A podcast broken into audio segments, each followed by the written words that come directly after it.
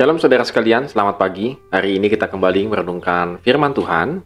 Dan firman Tuhan diambil dari 1 Samuel pasal yang pertama, ayat 1 sampai dengan ayat yang ke-8. Nah, saudara kita akan menjelajahi 1 dan 2 Samuel, saudara. Yang mungkin selama ini saudara hanya membacanya sepenggal dan sepenggal dan sepenggal. Tetapi kita akan melihat melalui renungan kita sehari-hari kita, belajar dari kitab 1 dan 2 Samuel. 1 Samuel pasal 1 ayat 1 sampai dengan 8. Ada seorang laki-laki dari Raf, Ramataim, Zofim, dari pegunungan Efraim. Namanya Elkana, bin Yeroham, bin Elihu, bin Tohu, bin Yusuf, seorang Efraim. Orang ini mempunyai dua istri, yang seorang bernama Hana dan yang lain bernama Penina. Penina mempunyai anak tetapi Hana tidak. Orang itu dari tahun ke tahun pergi meninggalkan kotanya untuk sujud menyembah dan mempersembahkan korban kepada Tuhan semesta alam di Silo. Di sana yang mendiami imam Tuhan ialah kedua anak Eli, Hofni dan Pinehas. Pada hari Elkana mempersembahkan korban, diberikannya kepada Penina istrinya dan kepada semua anaknya yang laki-laki dan perempuan masing-masing sebagian. Meskipun ia mengasihi Hana, ia memberikan kepada Hana hanya satu bagian, sebab Tuhan telah menutup kandungannya. Tetapi madunya selalu menyakiti hatinya supaya ia gusar, karena Tuhan telah menutup kandungannya. Demikian yang terjadi dari tahun ke tahun setiap kali Hana pergi ke rumah Tuhan, Penina menyakiti hati Hana, sehingga ia menangis dan tidak mau makan. Lalu Elkanah suaminya berkata kepadanya, Hana, mengapa engkau menangis dan mengapa engkau tidak mau makan? Mengapa hatimu sedih? Bukankah aku lebih berharga daripadamu, daripada sepuluh anak laki-laki? Akhirnya kita sampai ke satu Samuel. Setelah kita belajar Hakim-Hakim, Rut, lalu satu Samuel, dua Samuel, sampai kitab Wahyu. Jadi saudara yang mungkin ketinggalan di Hakim-Hakim, silakan saudara bisa ngeliat-liat video saya dari Hakim-Hakim, lalu kemudian masuk ke sampai ke Rut, dan akhirnya kita tiba di satu Samuel. Jadi saudara sekalian, kalau ini kita bedah saudara satu Alkitab itu kayaknya sepanjang tahun ya, sepanjang nggak tahu berapa tahun saudara. Saya nggak tahu ini akan menjadi berapa tahun gitu ya. Mungkin sampai bertahun-tahun saudara sekalian, tapi tidak apa-apa kita akan mau melihat Alkitab pelan-pelan, pelan-pelan, pelan-pelan. Yang penting kita paham. Lalu yang penting ut utamanya kita mendapatkan pesan firman Tuhan bagi kita pribadi masing-masing. Dan kita bisa melakukan kebenaran firman Tuhan. Nah saudara, oleh karena itu kita tetap setia Tuhan uh, kepada Tuhan, membaca dan merenungkan firman Tuhan. Saudara saya meyakini ketika saudara dan saya sungguh-sungguh merenungkan firman Tuhan, maka hidup kita akan mengalami perubahan. Sadar tidak sadar, Nah, saudara, kita masuk ya ke, ke, ke teks kita. Yaitu Elkana, ayah daripada Samuel nantinya. Saudara Elkana adalah satu pria yang bagi saya luar biasa karena dia tetap setia mempersembahkan korban kepada Tuhan. Kenapa permasalahannya apa? Permasalahannya adalah um, Elkana itu tahu bahwa yang memerintah di situ, imam yang di situ itu adalah Hofni dan Pinehas. Saudara kalau nanti kita akan baca, Hofni dan Pinehas itu boleh dikatakan mengkorupsi bagian-bagian dari persembahan Tuhan. Bahkan sangat amat mengkorupsinya. Begitu. Eli juga termasuk bagiannya.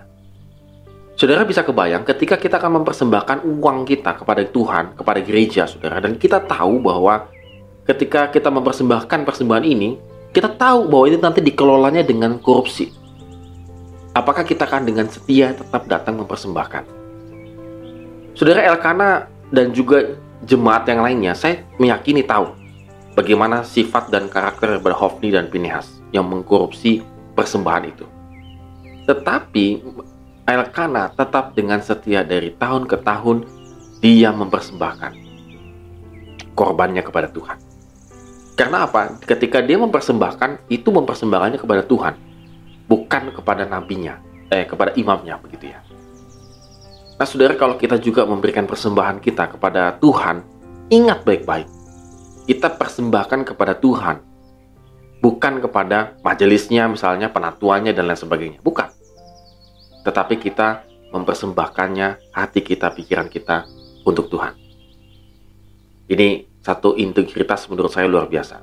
Yang kedua, saudara sekalian, walaupun memang secara tradisi Elkana bisa mengambil dua istrinya, begitu dua istri ya, karena Hana telah ditutup kandungannya oleh Tuhan.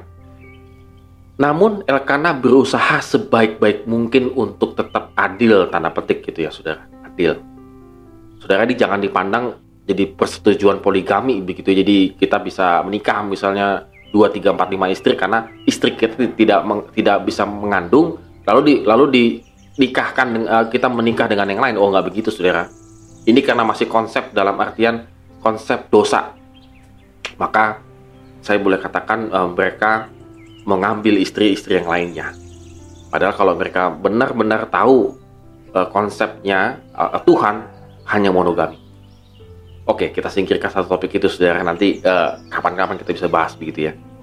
Nah, walaupun Elkana memiliki dua istri karena Hananya tidak menga, tidak bisa mengandung, lalu kemudian dia mengambil uh, Pinena, Penina.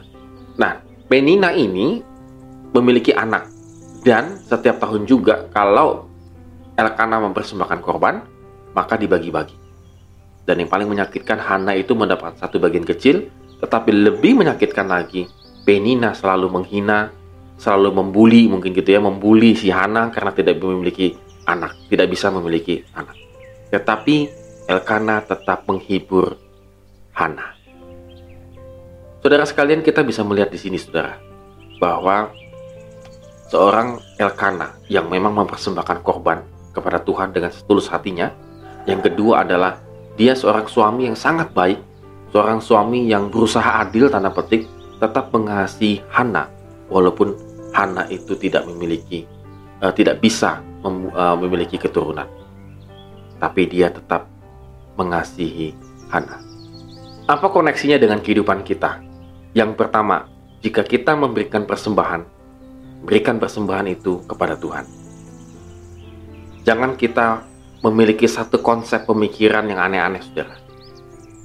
Mungkin saudara mengatakan, loh, kalau kita sudah tahu imamnya korupsi, majelisnya korupsi, hamba Tuhannya korupsi misalnya, masa kita kasih juga persembahan?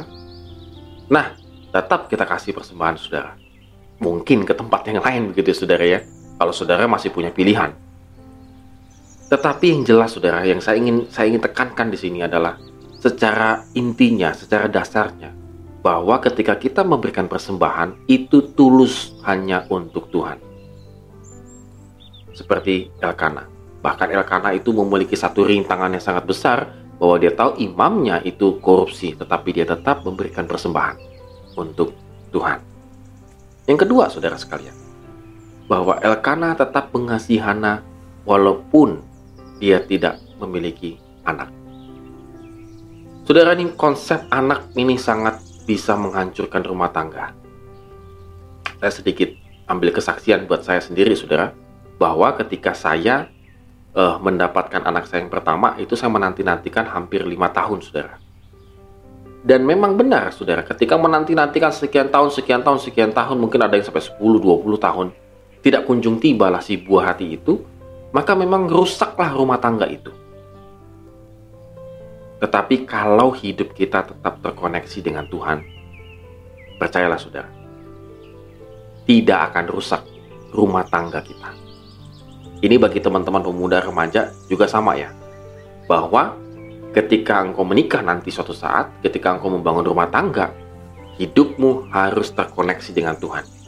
Sehingga ada atau tidak ada anak itu bukan yang utama dalam kehidupan pernikahan tetapi kehidupan pernikahan yang utama adalah mengenal Tuhan lebih dalam lagi melalui pasangan hidup kita. Oleh karena itu, saudara sekalian, tetaplah hidup kita terkoneksi dengan Tuhan. Hari ini, saudara dan saya ingin melakukan apa pun, tetaplah terkoneksi dengan Tuhan. Karena ketika kita sudah tidak terkoneksi dengan Tuhan, saya agak khawatir. Akhirnya kita uh, memiliki kehidupan yang melenceng. Amin. Tuhan Yesus memberkati kita semua.